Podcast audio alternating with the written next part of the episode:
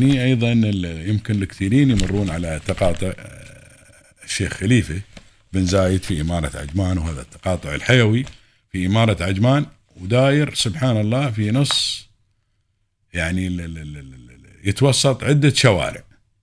ولكن الحمد لله رب العالمين يعتبر تحفة معمارية أيضا في إمارة عجمان من التحف المعمارية الموجودة في الإمارات. وبشكل وبطراز هندسي جميل جدا. هو في جسور في نفق في جسور علوية وتحتية.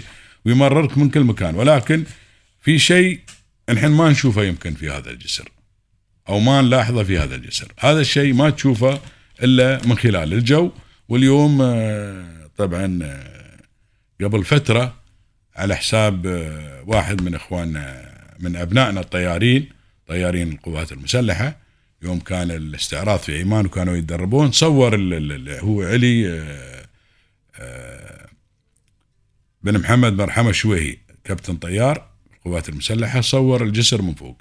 وانت تشوف الجسر من فوق تشوفها بالطيارة طبعا بالسيارة تشوفها بالطيارة أو تنزل من على الجسر وتطالعه.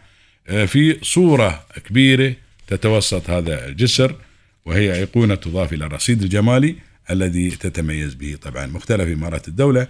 ومدنها وهذه طبعا صورة في عمان هي تحفة فنية رائعة آه، تتكون من ثمان ملايين حصاه آه، طبعا تزين بصورة المغفور له الشيخ زايد بن سلطان آل نهيان طيب الله ثراه في تعبير عن آه، طبعا الغنى الكبير التي تمثله شخصية الوالد المؤسس وتجربته الفريدة في القيادة والبناء واللي يبغى يشوف الصورة في جريدة البيان الصفحة الأخيرة.